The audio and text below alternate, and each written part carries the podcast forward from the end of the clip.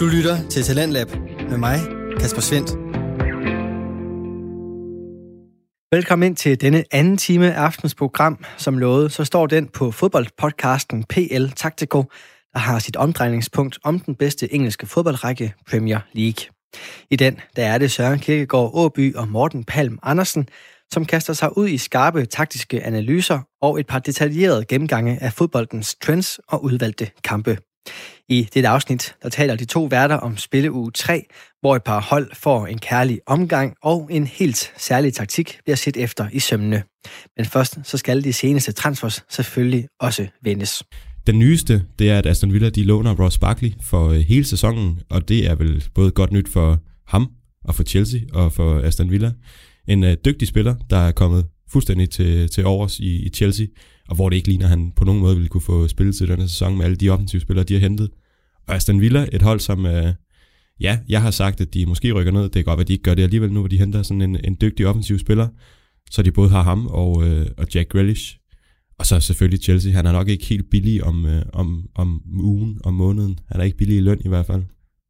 Nej, og Ross Barkley er jo lidt en spiller, som i sin Everton-tid i starten, der blev han jo set som det helt store lys på altså det engelske landshold også fremadrettet. Han var et kæmpe talent. Og den udvikling er bare gået lidt i stå. Han havde i Everton, hvor han til sidst, jeg mener, han går på en fri transfer, eller i hvert fald for et meget lille beløb i sidste år sin kontrakt i, til Chelsea, øh, hvor der har været mange spekulationer om, øh, hvornår han skulle skifte til en af de større klubber. Og det virker lidt som om, det tog lidt af pusen fra ham i hans udvikling også. Og man har aldrig rigtig set den Ross Barkley, man så i starten i Everton, den har man aldrig rigtig set i Chelsea. Øh, så jeg synes, det er et rigtig godt, øh, en rigtig god lejeaftale for ham at komme til en anden Premier League-klub, måske kunne vise sig frem, og så også på en, øh, en rigtig stærk Villa midtbane. Du nævner Jack Grealish selvfølgelig, der er lidt længere fremme på banen, og lidt den talisman her for det her øh, Aston Villa, og specielt deres offensiv, kan gøre mange ekstraordinære ting og mellemrumspiller. Men der synes jeg også, man, man må ikke glemme en mand som John McGinn inde ved siden af, der virkelig har spillet nogle store kampe også i den her runde, og fylder utrolig meget. Vi kunne også se, hvad det gjorde på det her Villa-hold, da de manglede ham sidste år. Så det er en utrolig skarp midtbane, hvor man har en John McGinn, der er den her meget fælde til fælde midtbanespiller, kan dække enorme arealer, og så bedre teknisk, end mange egentlig giver ham kredit for. Så har man en Jack Grease, der ligger længere fremme, så kan du måske have en Ross Barkley, der ligger som øh, endnu, endnu mere kreativ spiller, og kan være endnu mere offensivt med end John McGinn. Så man kan rykke Jack Grealish ind på kanten, eller noget den du, også har Ross Barkley og John McGinn til at ligge, og så måske en sekser til at holde for dem. Det kunne blive en rigtig spændende midtbane øh, for Aston Villa. Og så har Manchester City været ude og hente en øh, ny centerback. De hentede jo Nathan Ake tidligere på, øh, på sommeren her. Øh, de har hentet Roman Diaz fra Benfica for 65 millioner pund til at skulle øh, rydde op i det forsvar, som, ja, nu har du luret det, for, eller du har, hvad siger man, du har åbnet lågen for mig, du har afsløret det for mig, at øh, din, øh, din deep dive, den kommer til at sable det City-forsvar lidt. Men i hvert fald så har de hentet ham i Benfica, som skal, skal forsøge at lukke, lukke af, og så har de sendt Otamendi den, den anden vej, godt nok til en, en lidt billigere penge, selvfølgelig. Men uh, Ruben Dias, en mand, der skal forsøge at, at lukke af ned i City-forsvaret, og en mand, som Carragher sagde, at hvis han lykkes, jamen, så kan det være godt for Pep, og så kan det afgøre hele hans fremtid, og hvis han fejler, jamen, så kan det hele det her Guardiola-projekt, det kan falde fra hinanden. Er det så øh, voldsomt, som øh, Carragher han gerne vil udlægge det? Det er lidt på spidsen, men vi kommer også ind på det i kampen, øh, når vi skal snakke om den, at de havde rigtig mange skader og mange nøglespillere, de manglede. Men det forsvar, det er et kæmpe problem. Og man må bare sige, det er et luksusproblem i City, at man kan smide så mange penge, øh, næsten hver transfervindue, eller i hvert fald hver sæson efter nye forsvarsspillere. Altså man havde kompagni, var en øh, leder nede bagved og forsvandt i sidste sæson. Øh, men derudover så har man brugt enormt mange penge på en Emmerich Laporte. Jeg mener, det er 63 millioner pund eller noget i den dur. Så har man også købt en Osamendi til forholdsvis mange penge i sin tid. Du har hentet en Nathan Arke denne sæson til godt og vel 45 millioner pund. Øh, du har en John Stones, der også render rundt til 50-60 millioner pund. Øh, og så ud over alle de penge, de har brugt på Bax, og alligevel så har man det forsvar, der sejler. Så det kan godt være, at Ruben Dias til de her 65 millioner pund kan være løsningen. Men det er en, også en kæmpe luksus, at man kan bruge så mange penge. Øh, og det er en af mine kritikpunkter mod en Guardiola. Hans type fodbold er noget af det sværeste at levere i verden. Jeg er ikke underkendt øh, sværhedsgraden, det han leverer. Men det kræver så også, at han får det helt rigtige materiale, og det koster bare kassen i det her marked. Øh, så det er lidt en luksus, at man kan gå ud og smide så mange penge efter forspiller, men for Citys skyld, så håber jeg, det, at, at han er den rigtige mand, fordi de kan spille rigtig flot fodbold, hvis deres forsvar, øh, Emmerich Laporte er jeg stor fan af, hvis de, Ruben Dias kan løse det til højre for ham, så er det et, et rigtig spændende forsvar også på bolden, og ja, jeg vil hellere se et stærkt City-hold i år, fordi jeg håber også, de kan presse Liverpool. Nu er jeg Liverpool-fan, men, men som en neutral øh, i forhold til vores podcast, så håber jeg, at City kan være mere med i år. Vi er jo en objektiv fodboldpodcast. Det prøver vi i hvert fald. Selvom vi ofte måske falder lidt i.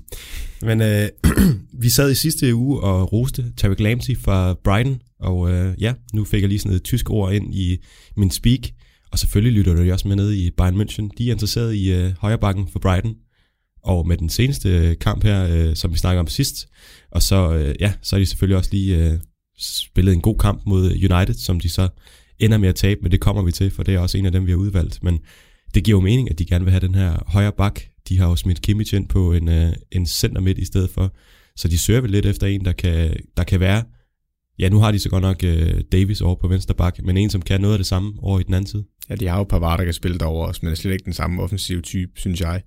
Øhm, men Lamptey, jeg kunne, aldrig, jeg kunne ikke forestille mig, at Brighton kan slippe på med det her vindue overhovedet, fordi ja, altså, pengene i Premier League er blevet så store for alle hold, der ligger der stort set, at de kan godt sige nej til et tilbud på Tarek Lamptey, selvom det en, hvis vi nu siger, at det skulle være et absurd bud på 30-40 millioner pund, det vil vi stadigvæk kunne sige nej til, fordi Brighton kan ikke hente en spiller ind øh, af samme kaliber, tror jeg. Øh, og så tror jeg bare heldigt, at vi holder fast i Tarek Lamptey og sige, jamen så har vi ham den her sæson. Han bliver nok ikke mindre værd af at spille en sæson i Premier League og have en god sæson, som det lader til, at han er i gang med her nu. Øh, og hans offensive kvalitet er rigtig, rigtig vigtig med de wingbacks, de spiller med Brighton. Så jeg tror, de vil gøre meget for at holde fast i ham, og jeg kan ikke forestille mig, at de sælger ham her i år. Og en uh, anden tysk klub, Dortmund, et uh, rygte, der aldrig vil dø, det er selvfølgelig, at United de er ude efter Jadon Sancho. Og uh, Dortmund skulle angiveligt have afvist et bud på op til 91,3 millioner pund. Altså, uh, ja, nu kan jeg ikke lige valutakursen 100%, men det er i hvert fald op imod en milliard. Og uh, ja, som vi også snakker om i en afsnit her, jamen de, Dortmund de har jo ikke tænkt sig at lade ham gå for under 110 millioner pund. Og uh, ja, United, skal de egentlig smide det, og kan de egentlig smide det? Jeg tror rent økonomisk, så når vi snakker corona og alt det her, så tror jeg United, de er så store, øh, har en så stor økonomi og omsætning, at de kan godt smide de her penge. Jeg er lidt forundret over det, fordi på den ene side, så kan jeg godt forstå, at United ikke vil blive taget ved næsen og altid bare blive holdt til det beløb, klubben forlanger, og gerne vil forhandle om det.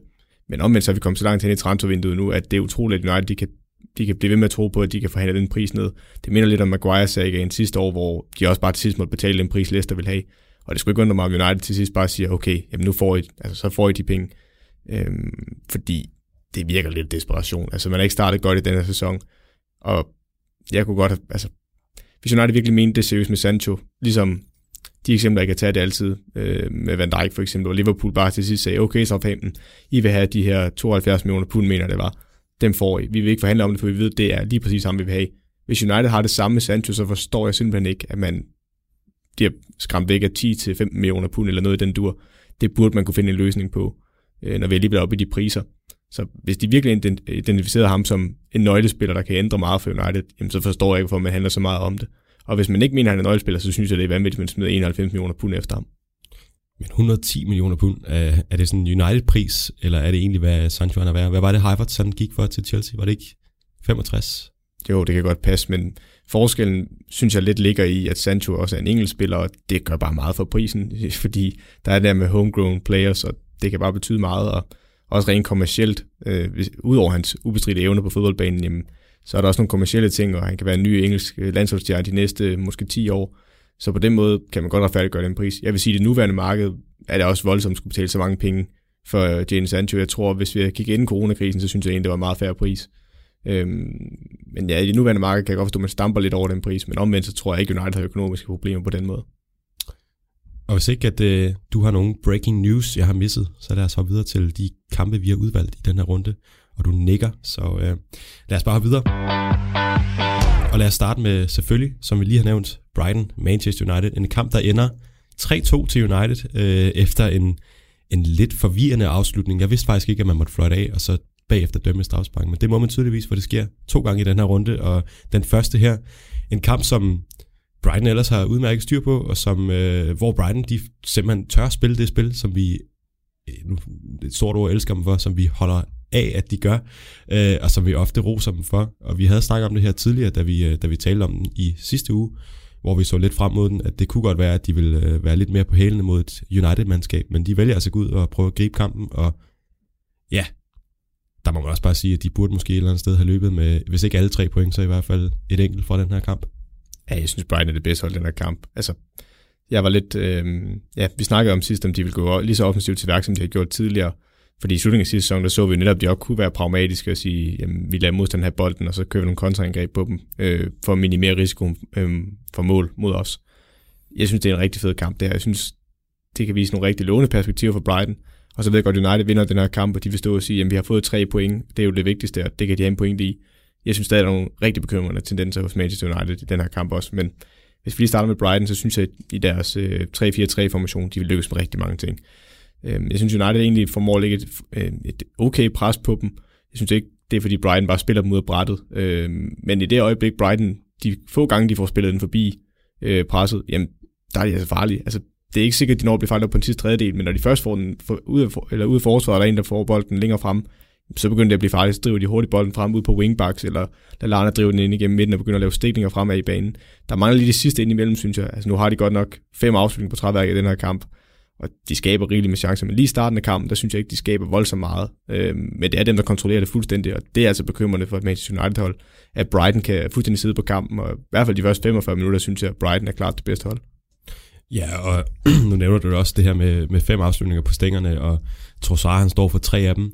Normalt så plejer jeg jo en gang imellem at spørge dig, om du har en XG på, øh, på selve holdet, men, men har du en XG på uh, Trossard her, der også har en kæmpe afslutning hen mod uh, slutningen? Nej, men jeg kan fortælle, at Trossard han når at ramme både venstre stolpe, overlægger og højre stolpe, så han har fuld plade. Altså, det var bare så uheldigt. Uh, han var ikke heldig med sin afslutning i den her kamp, og specielt den sidste, hvor han hakker på overlæggeren uh, fra en lidt spids vinkel, det er super ærgerligt.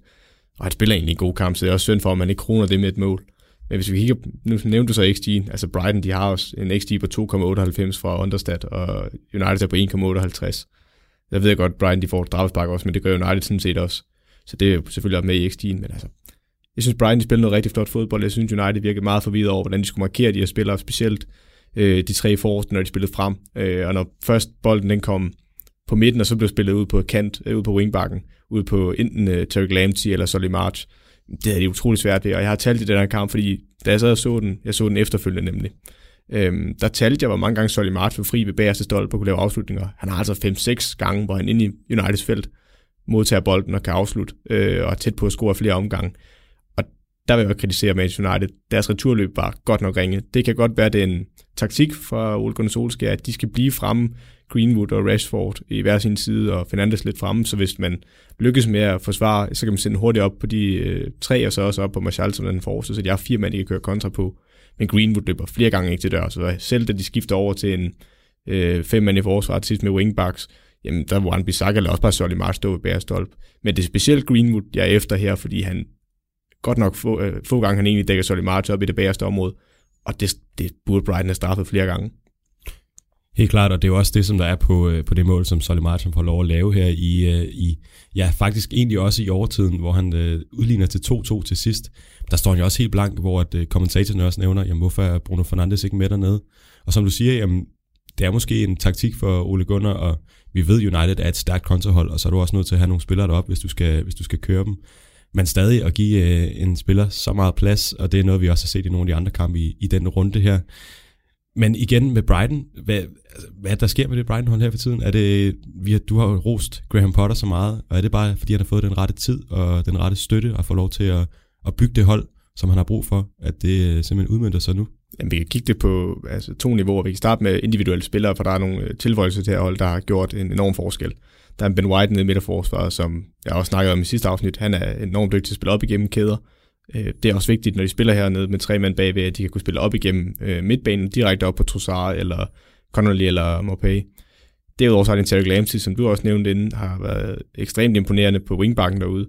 Øh, Solly March har været god på wingback. Så har man fået en Adam Lallana ind. Nu ved jeg godt, at han har været meget skadet, øh, også i starten af sin Brighton-karriere her, men i den her kamp, der viser han også, at hvor øh, teknisk dygtig han er. Øh, også dygtig i presset, fordi han er med til at vinde. Jeg mener, det er ham, der går i pres. Nej, det er Solly Mars, der går i pres ud i venstre side, hvor de erobrer den for Juan Bissaka. Øh, der er helt tosset mister den på egen tredjedel, mener jeg næsten der, hvor de også får en chance. Øh, jeg mener, de rammer stangen faktisk på det, tids, øh, på det tidspunkt. Øh, men, men altså, der er bare nogle gode spillere, så har de også en Morpay, der virkelig stempler op i den her sæson og scorer en, øh, et hav mål. Øh, godt nok også et flot øh, Paninka straffespark, han laver i den her kamp. Men der er bare som, der, er, der, jamen lige præcis, og der, der er så mange bevægelige spillere blandt de tre forreste, at du kan også se United i den her kamp, de har store problemer med, at de løber i mellemrum og løber ud bag bak. Øh, så når Trossard løber ud bag bak, så kommer Connolly ned i banen. Øh, den bevægelighed, de har, er enormt øh, svær for United at håndtere, specielt for en Maguire over i sin tid, hvor jeg synes, den ene gang, hvor han er ved at lave, eller hvor jeg mener, han laver et straffespark på Connolly, hvor Connolly løber på tværs og bliver stukket dybt, der kan man godt se, at Maguire når følge med, men han har ikke farten til at kunne følge ham helt op, og Connolly når faktisk at komme på indersiden af ham med sin øh, kropsfinte og acceleration, hvor jeg så mener, at Maguire begår et straffespark. Øhm, men det er endnu en situation, hvor den er fart og bevægelighed, og de ved, hvor de skal løbe hen, og hvilket rum de skal udnytte mod United. Det er bare et enormt godt skolehold, og så kan jeg så vende over på den anden side. Jeg synes, det er tydeligt at se, at Brighton var et bedre skolehold og bedre spillestilsmæssigt, havde nogle klare aftaler, end United har i den her kamp. Og øh, en mand, der har fået tid, og en mand, der har fået øh, de spillere, han nok gerne vil have, det er nok også en anden hylde end, øh, end Ole Gunnar, men han har efterhånden fået tiden, han har fået øh, pladsen til at, at, at lave de ændringer, som han gerne vil på det hold her. Skal man også bare give ham Jadon Sancho, og så øh, fungerer det lige pludselig, eller er der andre ting, man måske burde lave om på det her United-hold? Altså, jeg synes, der er flere begrænsninger på det her United-hold, og det er ikke kun Ole Gunnar Solskjaers skyld. Øh, de har ikke rigtig hentet noget i transfervinduet i den her omgang. Øh, og jeg kunne jo, vi har snakket om sidst, Maguire har brug for en bedre marker ved siden af sig Lindeløf. Jeg har været efter Maguire med manglende fart, men det hjælper heller ikke, at han har Lindeløf ved siden af sig, der har været så dårligt kørende, specielt her i starten af sæsonen. Så kunne jeg også godt savne noget mere fra deres baksag, specielt venstreback, øh, Luke Shaw. De skal være meget mere, med offensivt, fordi det begrænser deres spil meget, når de står mod hold, der står lavt i banen. Jeg ved godt, Brighton er det hold, der har mest boldbesiddelse i den her bane, men de situationer, hvor Brighton kommer ned og står rigtigt, der er United stort set ufarlige. De har stort set ikke en chance i første halvleg United, øh, udover de selvfølgelig scorer til sidst. Men, men de skaber rigtig noget i starten. Det er blandt andet fordi, at når først modstanderne står nede, og de gerne vil rykke Rashford og Greenwood op som de her mellemrumspillere op til Martial, og så Fernandes, jamen Fernandes skal man godt spille op på, så skal han prøve at stikke med sted. Det lykkes også til tider. Men de kan åbne deres spille meget mere, hvis deres bak kommer med og skaber mere offensivt, og skaber bredden og kan slå farlige indlæg, og det synes jeg bare ikke, de gør nok. Øh, så det er også en begrænsning på deres hold. Og så synes jeg også, at Martial forsvinder i den her kamp. Han havde en rigtig god slutning på sidste sæson, men han er jo ikke en fuldblods nier. Altså, jeg synes ikke, han, han er, han er en dygtig dribler og også en okay afslutter, men jeg synes, han mangler noget rent fysisk til at være inde i feltet. Øh, og hvis han ikke skal være den, så skal han jo falde ned i banen og modtage bolden, men det synes jeg bare, der har man en Bruno Fernandes, man hellere vil have på bolden, der skal stikke de andre afsted, så det kan jeg heller ikke lige se. Og er det måske egentlig det, der, der er problemet, når, som du siger, Martial han har de her kampe, hvor han nogle gange falder lidt ud. Rashford har vi også snakket om, at han har, han har kampe, hvor han simpelthen, jamen altså, er ligaens bedste spiller, og så er der kamp, hvor du nærmest ikke ser ham. Greenwood, en ung spiller, som en gang imellem laver noget helt genialt, men som andre kamp øh, ikke opfylder de pligter, han, han egentlig skal. En Daniel James, der var det helt store øh, et par måneder i hvert fald, og som nu er på vej til at skulle lånes ud til Leeds. Altså, hvis man får Sancho ind, jamen, så har du mulighed for at, at smide en ny mand ind, hvis det, hvis det lige ikke kører en enkelt kamp. Er det det, de mangler lidt til? Øh, lidt udskiftning egentlig, muligheden for at, at gøre noget andet, gøre noget uventet. Altså Sancho vil pynte meget på det her hold, og være, så man kan for eksempel skifte Greenwood ind for bænken. Jeg synes også, man skal, hvis vi lige tager nogle af de ting, du har snakket om, Daniel James tror jeg ikke bliver udlejet. Øhm, kun hvis de får Sancho ind, så er det den mulighed, men jeg tror meget gerne, at han vil blive United. Så der er en Rashford, altså vi skal ikke glemme, at han laver et verdensklassemål i den her kamp, øh, og det er så også lige efter Uniteds bog, når det kommer sted i en hurtig omstilling, og så i kontraangreb, hvor Rashford han er så kølig og så dygtig teknisk, den måde han dribler, og ja, kølig til sidst afslutter. Det skal han have rose for, men ja, Sancho vil give nogle dimensioner i deres spil og give noget ekstra topkvalitet. Men det synes jeg bare ikke løser, at de mangler stadigvæk backs, der kommer med frem, og det kan også være noget rent taktisk, så må man lave nogle andre justeringer. Fordi jeg synes ikke, Ole Gunnar Solskjaer får det bedste ud af det her hold lige nu. Altså, de havde kæmpe problemer med at åbne Palace op, og vand, Palace vandt fortjent den kamp. Og i den her kamp, der synes jeg også godt, man kan sige, at Brighton burde have vundet den. Det er den, der skaber flest chancer. At de så ikke sparker dem ind eller noget andet. Og de er også sindssygt heldige, at vi har også Solly Mark, der rammer indersiden af stolpen. Øh, og Trossard, der rammer tre gange altså får United et straffespark efter tid. Det, altså, jeg synes, det her Brighton-hold, de var det bedste hold i den kamp, og burde have vundet den. Og det er altså bekymrende for United, at de første to kampe i sæsonen mod Crystal Palace og Brighton, der har de i begge kampe ikke været det bedste hold, eller i hvert fald været bolddominerende. Ja, så var det jo egentlig et hold, som vi måske havde forventet skulle tage det ekstra skridt i år, fordi de havde så fin en afslutning på den, den seneste sæson, men ja, det er svært at sige noget efter tre kampe, og det sagde vi også sidste uge, det er svært at sige noget efter to kampe, men skal vi allerede nu nedjustere forventningerne lidt? Ej, man skal jo huske, og det synes jeg, vi skal sige med City-hold, når vi snakker om den senere. Det er kun to kampe, og det har været en meget mærkværdig preseason for mange af de her hold. Øh, så, så det er en, ja, det er jo det er underlige tider, og det er svært for holdene at være tilbage på samme bølgelængde. Men det er, der er nogle bekymrende tendenser ved det United-hold, og jeg havde håbet lidt på, sådan rent objektivt, at de var begyndt at kunne knække nøden lidt med at øh, slå hold, der står lavt. Øh, og det synes jeg bare ikke at se, at den her kamp, når Brighton først står dernede. Altså United bliver stort set kun farlige efter kontraangreb.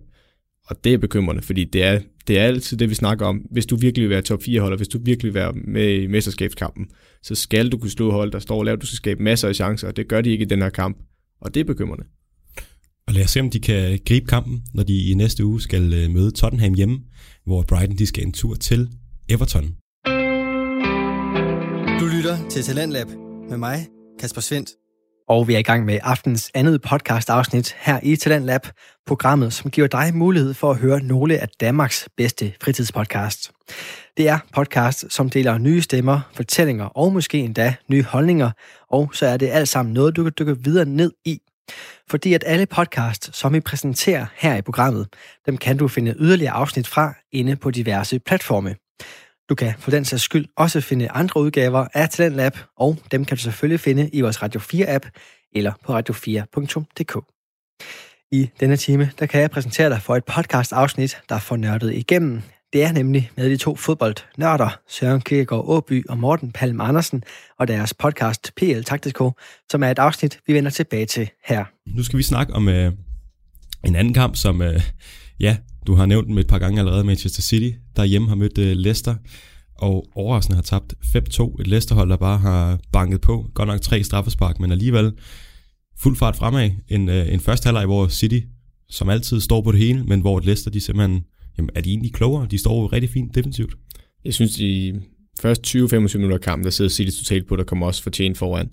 Og det ligner mere et spørgsmål om, hvor meget City de skal køre Leicester over, fordi for mig at se, så virker det som om, der er utrolig langt op til Vardy. Altså, de står, jeg ikke utrolig langt op til Vardy, det er forkert sagt, fordi Vardy ligger så faktisk ned og dækker Rodri øh, det meste af kampen nede som City 6 eller 8, øh, deres, øh, ja, deres pivot.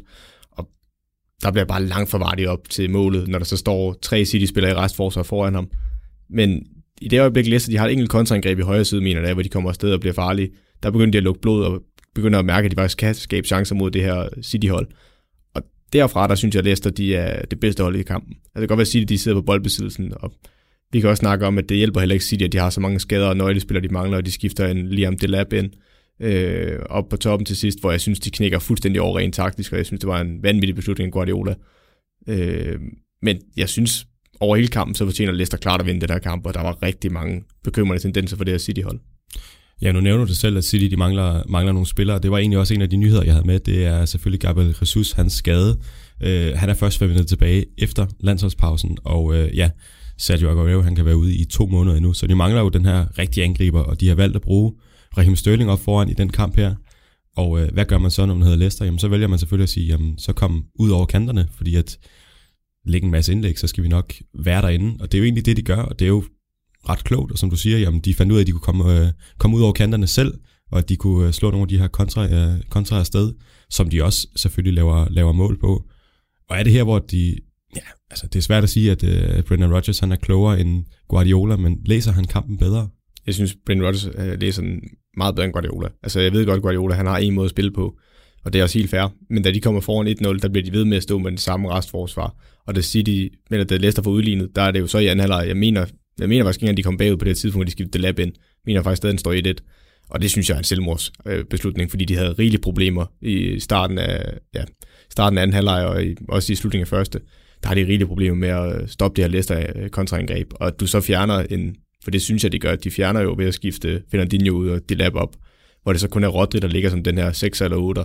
Og De Bruyne, jo, han ligger til tider ved siden af ham, men han forsvinder for meget frem i banen, fordi det går jo gerne med ham til. Og så har du altså et restforsvar, der hedder Rodri, og så øh, en Garcia og... Øh, ja, hvem er den sidste centerfor, der spiller den her kamp? Er det, øh, det er ikke Laporte, det er øh, øh, Ake. Ja. ja. Så det er Garcia, Ake, og så bliver de tit isoleret med en Vardy, og, eller og returløbende hænger også, og så Rodri nogen, der halser lidt efter. Altså, hvis de skal ud og løbe med Vardy, Barnes, så bliver det en forfærdelig kamp. Jeg synes dog, vi skal, der er flere ting i det her. Vi skal anerkende, at de har kun 13 fitte seniorspillere med hvilket er et kæmpe problem og tab. Men vi skal altså også huske, at Leicester mangler altså også mange nøglespillere. De mangler en Pietro, der måske er en af de bedste højre backs i ligaen. De mangler en Didi, der har været vigtig sekser og har også spillet centerforsvar i her sæson for dem. Han er også ude i noget tid nu.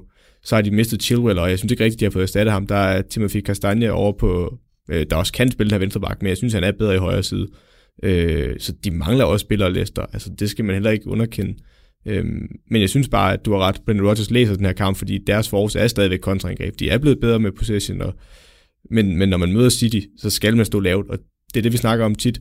Hold, der kan stå lavt, men samtidig har raketter som Vardy, der kan komme afsted, Barnes, de kan godt tillade sig at stå lavt. Jeg ved godt, at jeg snakker om, at Vardy virker til at langt til mål, og det synes jeg også, at han har i starten af kampen, og de forbereder sig længere frem. Men når de har Barnes og Vardy, der kan komme med sted, og de samtidig har wingbacks, der er gode til at komme med frem og skabe øh, overtal, jamen, så bliver det bare farligt hurtigt, og der har Citys forspil, de er ikke gode nok med en mand og mangler far til at kunne dække op. Og så har jeg skrevet mine noter om, det egentlig er en klassisk City-kamp, det her. Vi har jo tit øh, snakket om, at når City de har spillet, de har øh, chancer, og de har øh, ja, skud og, og skud på mål og det hele, men de alligevel bare ikke øh, får den ind, og de, der måske er noget uheld indblandet, og så ender de med at tabe en kamp 3-1 eller, eller noget lignende. 5-2, det lyder selvfølgelig også dejligt overbevisende, og, og, og min pointe er her også, at det er jo egentlig ikke en klassisk City-kamp. Ja, de er meget på bolden, men som du også siger, i, øh, i anden halvleg, så bliver Leicester jo bare det bedre hold, og selvom deres gameplan ikke er at skulle holde på bolden, jamen, så har de jo styr på det. Ja, og det, jeg synes, det er så bekymrende, eller bekymrende, men det var en vanvittig beslutning at skifte Lab ind. Øh, han har et hovedstød, der er ved at gå ind og ramme lige kanten overlæggeren. Og det er ikke noget mod ham som spiller. Det er mere det faktum, at han vælger sin en ekstra angriber ind, og får, altså får Fernandinho til at forlade øh, området, der gør, at altså, jo, de har problemer med Leicesters kontraangreb i slutningen af, eller i starten af anden halvleg, men det bliver bare forstærket i en situation, hvor man allerede står 1-1, og der synes jeg, han bliver meget overmodig Guardiola, fordi det her, det synes jeg ikke er en normal City-kamp. Det, jeg synes, de første 20 minutter, 25 minutter, der er det en normal City-kamp, hvor de dominerer, og deres genpres sidder der. Men de havde flere gange, hvor de farer pres på det her Leicester-hold, der så spiller igennem, og så er der altså bare udsat nede bagved, for der er for meget fart og for mange løb, og for få City-spillere til at dæmme op for det i restforsvaret. Øh, og der synes jeg, at Brendan Rodgers, det er genialt, at han står øh, med sit øh, femmandsforsvar, Øh, og så synes jeg, de er gode til at komme med wingbacksene også, fordi dem, der er med til at skabe overtalene, og der synes jeg også, øh, man må kigge på Citys returløb. Det hænger helt vildt. Øh, og flere gange bliver de her wingbacks fri, og det er bare ikke, øh, det er bare ikke godt nok på et City-hold. Og så Leicester, de har jo bare fået en øh, fremragende start på sæsonen, og en, øh, en 5-2 sejr over City. De kan selvfølgelig endnu mere blod på tanden. De har lavet 12 mål i, i tre kampe. Det er et snit på fire mål per kamp, hvilket er jamen, et eller andet sted fuldstændig vanvittigt. Og øh, vi så dem også sidste år have en god start. De lå længe toer og var udfordrende til, til Liverpool. Hen mod slutningen, jamen, der, der taber de den lidt og ender vel egentlig med at blive femmer. Ja, det gør de. Femmer. Øh, skal vi regne med at se det igen, eller er truppen bedre stillet den her gang? Nu siger du, de har mistet Chilwell, og de måske godt kunne bruge en, øh, en ny venstre bak. Men egentlig, øh, ja, skal vi regne med, at de bare falder ned igen i år, eller fortsætter de med lyn og torden? Det er ja. selvfølgelig svært at sige. Jeg synes, det er svært. Du er et orakel jo. Ja, ah, nu synes jeg, du sætter mig op på en høj pedestal, men jeg synes, det, jeg synes, det er svært med det her Leicester-hold, for jo, de har fået en rigtig god sæsonstart, og man skal ikke, altså, man skal sætte kæmpe pris på, at de slår City 5-2 på udebane. Det er en kæmpe bedrift. Øh, og det, jeg kan ikke huske, hvornår City sidst har lukket fem mål ind. Øh, så, så det er en stor bedrift. Men jeg synes også, altså de har ikke forstærket sig Leicester markant. Jeg synes heller ikke, de har mistet Chilwell, og det er et tab. Man kan se, at Justin, der spiller derovre i den her kamp, han har sådan nogle begrænsninger offensivt, og han er ikke venstrebenet, så der er nogle klare udfordringer ved det. Det vil være bedre, når Kastanje kan blive frigjort til at tage venstrebakken. Jeg ved godt, jeg synes, han er bedre på højre, men han er bedre venstreback end, øh, også wingback end Justin, og man så kan få Ricardo Pieter ind. Øh, det vil nok gøre meget for det offensive også. Men jeg synes stadigvæk, der er nogle ting ved der Leicester-hold, som der er, de har også stadigvæk problemer mod hold, der står lavt. Og det kan godt være, de viste det i den første halvdel af sidste sæson, men de faldt fuldstændig fra hinanden i slutningen, fordi de havde jo, de havde jo stort set tredjepladsen, eller i hvert fald fjerdepladsen under kontrol. Øh, men de taber så mange point i sidste halvdel af sæsonen, at, at det er svært at, at det er svært at retfærdiggøre. Øh, jeg håber, at de kan, de kan vise det niveau igennem en hel sæson, fordi de spiller rigtig godt sådan her. Og så havde vi begge to uh, Manchester City som titelfavoritter, inden sæsonen gik i, stang, uh, gik, gik i, stang, gik i gang. har vi uh, stadig det? Nej, det vil jeg ikke sige. Altså, igen, det er tidligt at de har løbet ind i så mange problemer, og det synes jeg også, det synes jeg også, vi skal tage højde for. Der er alt det her corona og sådan noget, og der er nogle, for eksempel deres preseason har været ramt så hårdt af skader. Øh, Gündogan er også blevet coronasmittet nu, og altså, det har bare været sådan noget råd, og det er svært at forberede sig. Men der er bare andre hold, som for eksempel Leicester og Liverpool, der bliver ved med at præstere nu, og hvis City bliver ved med at, altså for eksempel mod kampen mod Wolverhampton, der kunne Wolverhampton sagtens have taget point til sidst, øh, fordi City-spillerne, de, eller City-holdet, det bare, de mister kontrol med kampen igen. Øhm, så, så det er bekymrende tendenser for City, og de skal altså ikke begynde at tabe for mange point, fordi det ved jeg ikke, om Liverpool gør. Øh, og så er Liverpool nok også stærkere, og øh, end jeg gik og troede. Så altså City er ikke ude af den her mesterskabskamp overhovedet. Altså, de er 6 point efter Liverpool lige nu, og de har en kamp i hånden. Så, så det er jo ikke en alverden, det er jo bare, er bare men det er at slå Liverpool, så er der er point med dem igen. Men de skal ikke begynde at tabe for mange point, sådan her, og specielt deres altså resultater individuelt kan vi altid kigge på og sige, jamen det var, øh, det var et dårligt resultat, men det kan man ikke bruge så meget som træner. Så er det mere, at, hvordan din spillestil er, og føler man, at man skaber de chancer, man skal, føler man egentlig, man har kontrol med kampen, og så sker nogle freak accidents undervejs, så vil man være bedre stillet. Men i den her kamp, der er det jo regulært Leicester, der skaber flere chancer, og det er bekymrende. Og så er det et hold, som man plejer at frygte imod, og hvor man siger, at øh, jamen, der skal man lægge sin spillestil om, frem for at man skal forsøge at gribe kampen. Leicester viser jo her, hvordan man bare lige i gåsøjen slår øh, Manchester City. Er det et hold, som andre hold fremover skal være bange for at møde på samme måde, som man har været tidligere? Altså Leicester tænker du på? Jeg tænker Manchester City. Ja, altså City er, du stadigvæk kigge på de første 20-25 minutter, der er det det City, vi kender. Men man skal ikke underkende, at Leicester er et af de bedste kontrahold i Premier League. Altså det har de været igennem en årrække. Øh, og med Vardy, Barnes, øh, og de wingbacks, de også kan få med. Jamen, og så har de en Madison, der sidder på bænken, der kan man komme ind og score et fremragende mål jamen, altså, så, så kan de gå på de fleste hold kontraangrebene.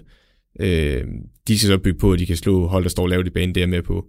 Øh, men, men City, ja, altså jeg vil stadigvæk mene City, når de, når de har alle spillere klar, så er de stadigvæk et øh, fremragende fodboldhold.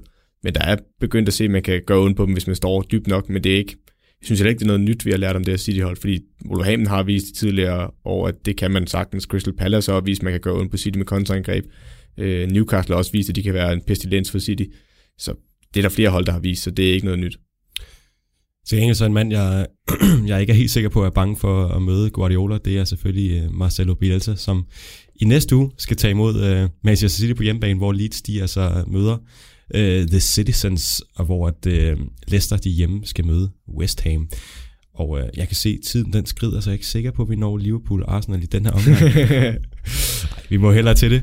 Liverpool-Arsenal uh, mandag aften på Anfield. 3-1 til Liverpool. Jeg har skrevet mine noter, jeg gider faktisk ikke snakke om det. Liverpool, de var bare bedre, og det var en flot kamp af dem.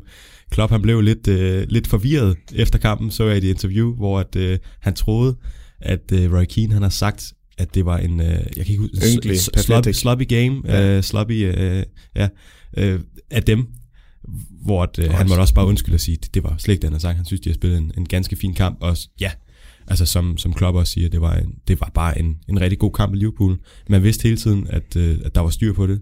Som vi har snakket om så mange gange, jamen deres angriber er gode til at gå med i defensiven. De har en stabil midtbane. Forsvaret behøver vi slet ikke at snakke om. Det har godt nok, der har været lidt her i starten, men altså, det er jo Van Dijk for pokker. Øh, og så, ja, muren dernede. Øh, Allison, hvis der er noget, der slipper igennem, en uh, Lacazette for eksempel, jamen så, så piller han ham bare. Ja, jeg bliver ny, nu bliver jeg nødt til at bruge det her forum til, inden vi går over i den taktiske snak, for der er en, øh, en af mine gode venner, der er Arsenal-fan, der øh, formastede sig til i starten af kampen. Jeg var jo lige kommet, jeg var i gang med en træning selv, og var lige blevet færdig, da kampen starter, og så fik jeg en, øh, en gift tilsendt, hvor øh, Robertson står øh, og viser en thumbs up, og det var jo en hensyn til, at Robertson koster det første mål. Øh, det vedkommende, der sendte den her gift til mig, så ikke rigtig havde forudset, det er Robertson, ham der scorer til 2-1. Øh, så det var en dejlig skæbens ironi, følte jeg, og jeg skrev også bare til ham, det var karma. Øh, så kan du lige videre sende den gif ja, tilbage. lige præcis. Men nej, hvis vi skal være lidt mere seriøse og gå til selve øh, kampen. Ja, altså Arsenal kommer foran, men det er ikke retvisende for det her kampbillede. Det er egentlig en flot opbygningsspil af Arsenal, der spiller sig ud af Liverpools pres og kommer afsted. Så er det sådan en individuel fejl af Robertson, der clear den helt forfærdeligt hen til Lacazette, der så rammer den lidt halvt, og Allison sætter sig, fordi han ikke forventer, at Lacazette banker den ned i jorden, og så ryger den egentlig over ham.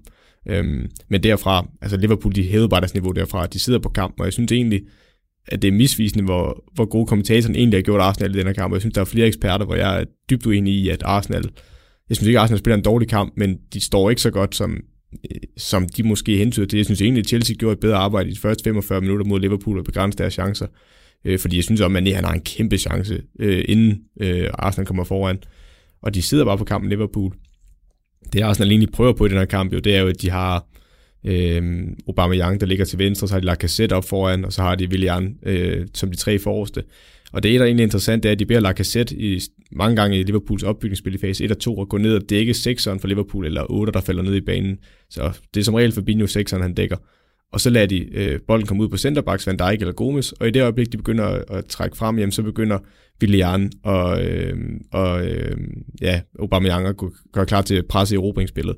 Når den så bliver spillet fra centerback ud på en bak, det vil sige Trent eller øh, Robertson, jamen, så afskærer de vejen tilbage, øh, til, eller afleveringsvejen tilbage til de to centerforsvar, så bakken kun kan drive bolden fremad. Øh, og så kan wingbackene Maitland Niles eller Bellerin gå i direkte duel og dække øh, back-back, eller dække wingback og back. Øh, Øh, og det læser Liverpool egentlig ret hurtigt. Det er tydeligt set, de har jo læst på de kampe, de har haft tidligere mod Arsenal. Så det, der bliver deres øh, løsning, det er også det, Arteta han siger efter kampen. Men jeg synes, han negligerer det lidt. Han siger jo, at jamen, når Van Dijk har så stor kvalitet, han bare kan save en bold hen over hovedet på os over på Salat, og så laver noget ekstraordinært. Wow, det er jo bare individuel kvalitet.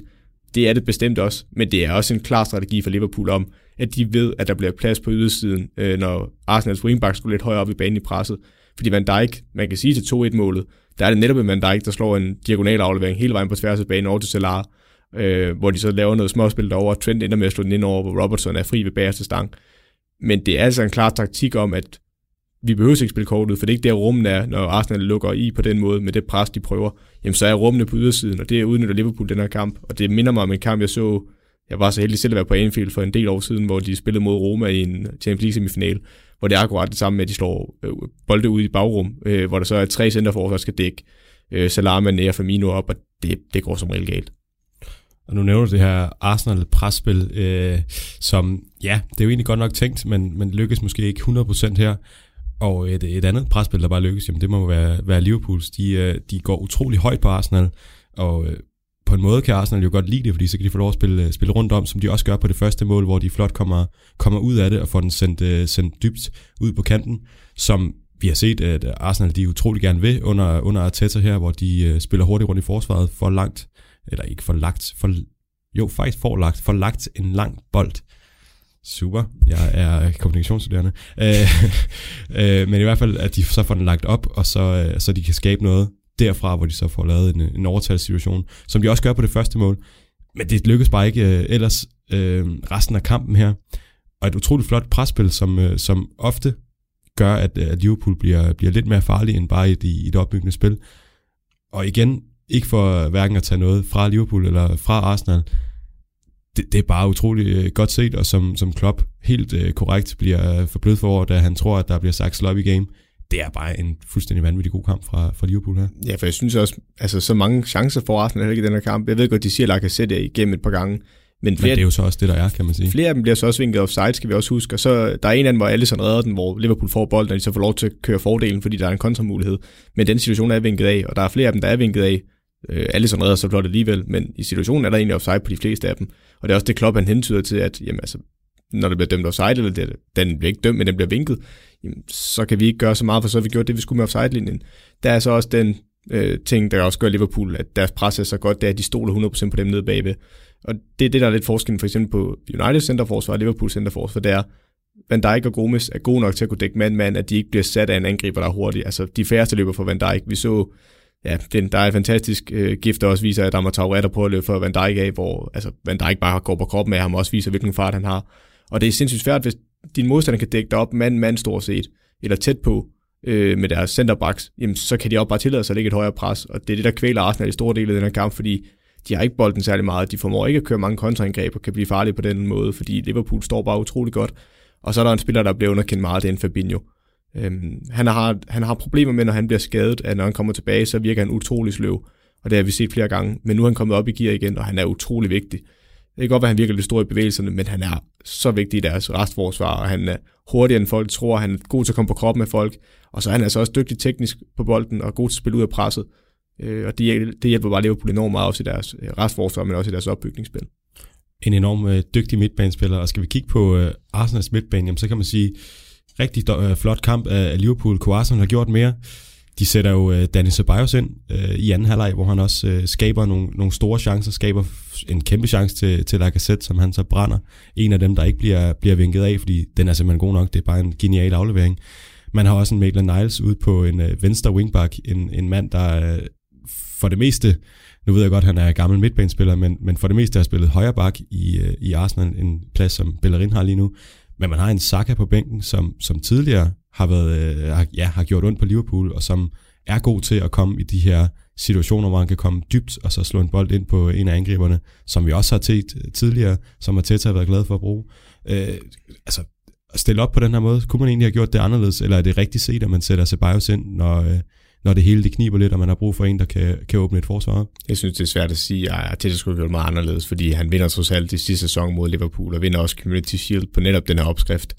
Så jeg synes, det er svært at sidde og kritisere ham. Øh, Liverpool laver sådan nogle justeringer til, og det kan man nok forvente, og så tænker man jo, så vil, så vil han jo prøve at lave øh, tilsvarende øh, justeringer til sig til næste kamp måske.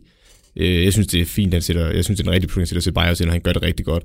Men jeg ved ikke, om det har været en mere korrekt beslutning at sætte ham ind fra starten af, fordi det har måske åbnet dem op mere defensivt, hvis han skulle have den frihed til at bevæge sig fremad, fordi flere gange, der kommer han jo ned i banen, samler den op og driver den fremad.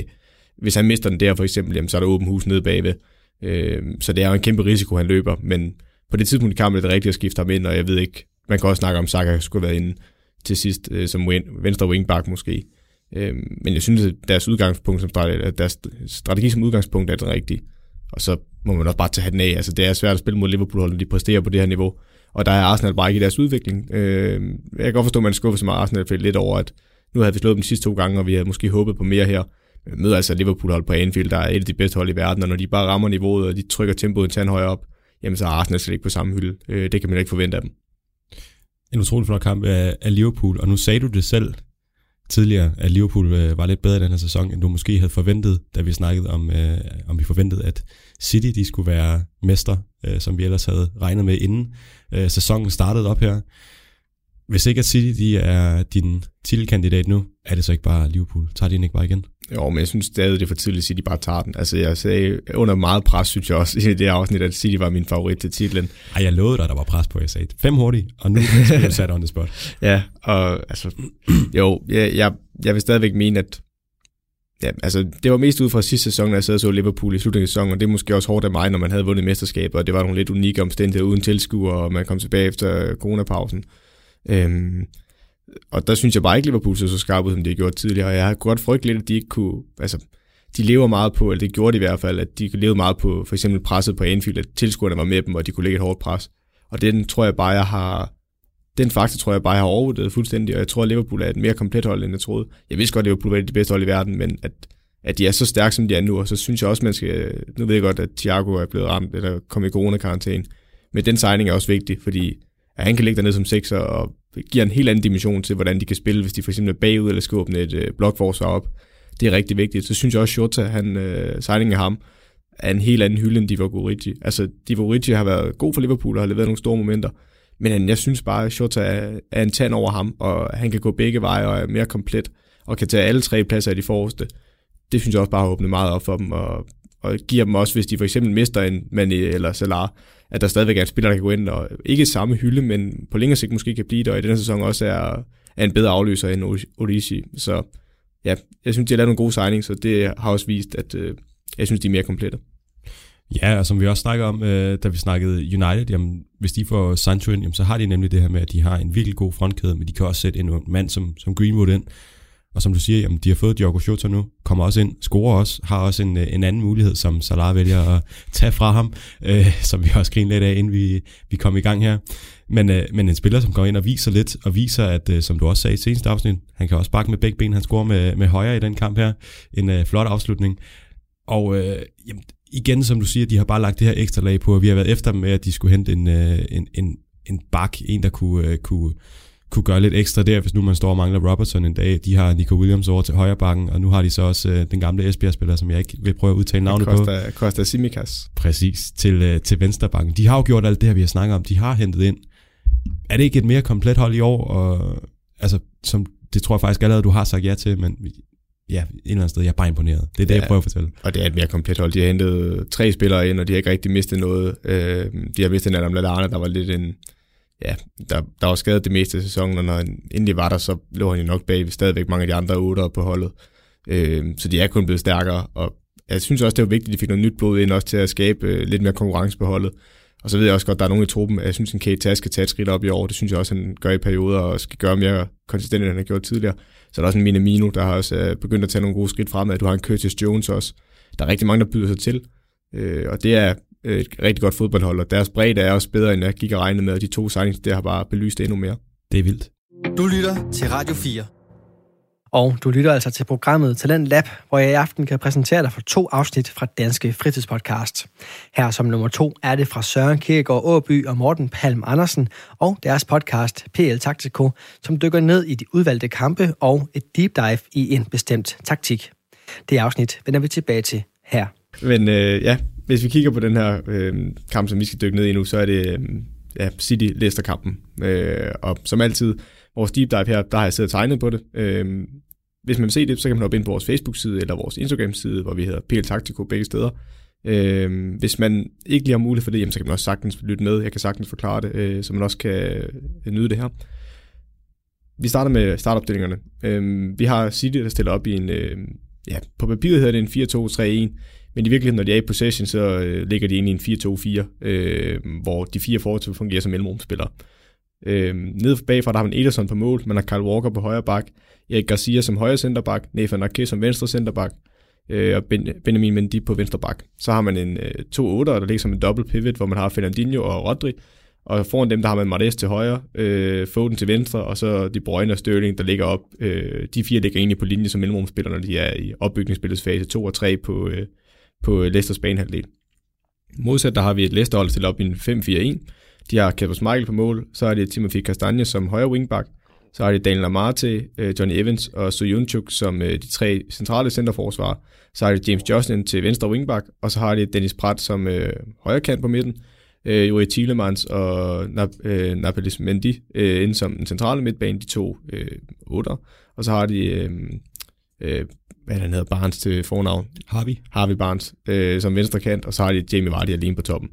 Øh, det vi starter med at se på, det er, hvordan City gør, når de er i opbygningsspillets fase 2 og fase 3, hvordan de stiller op.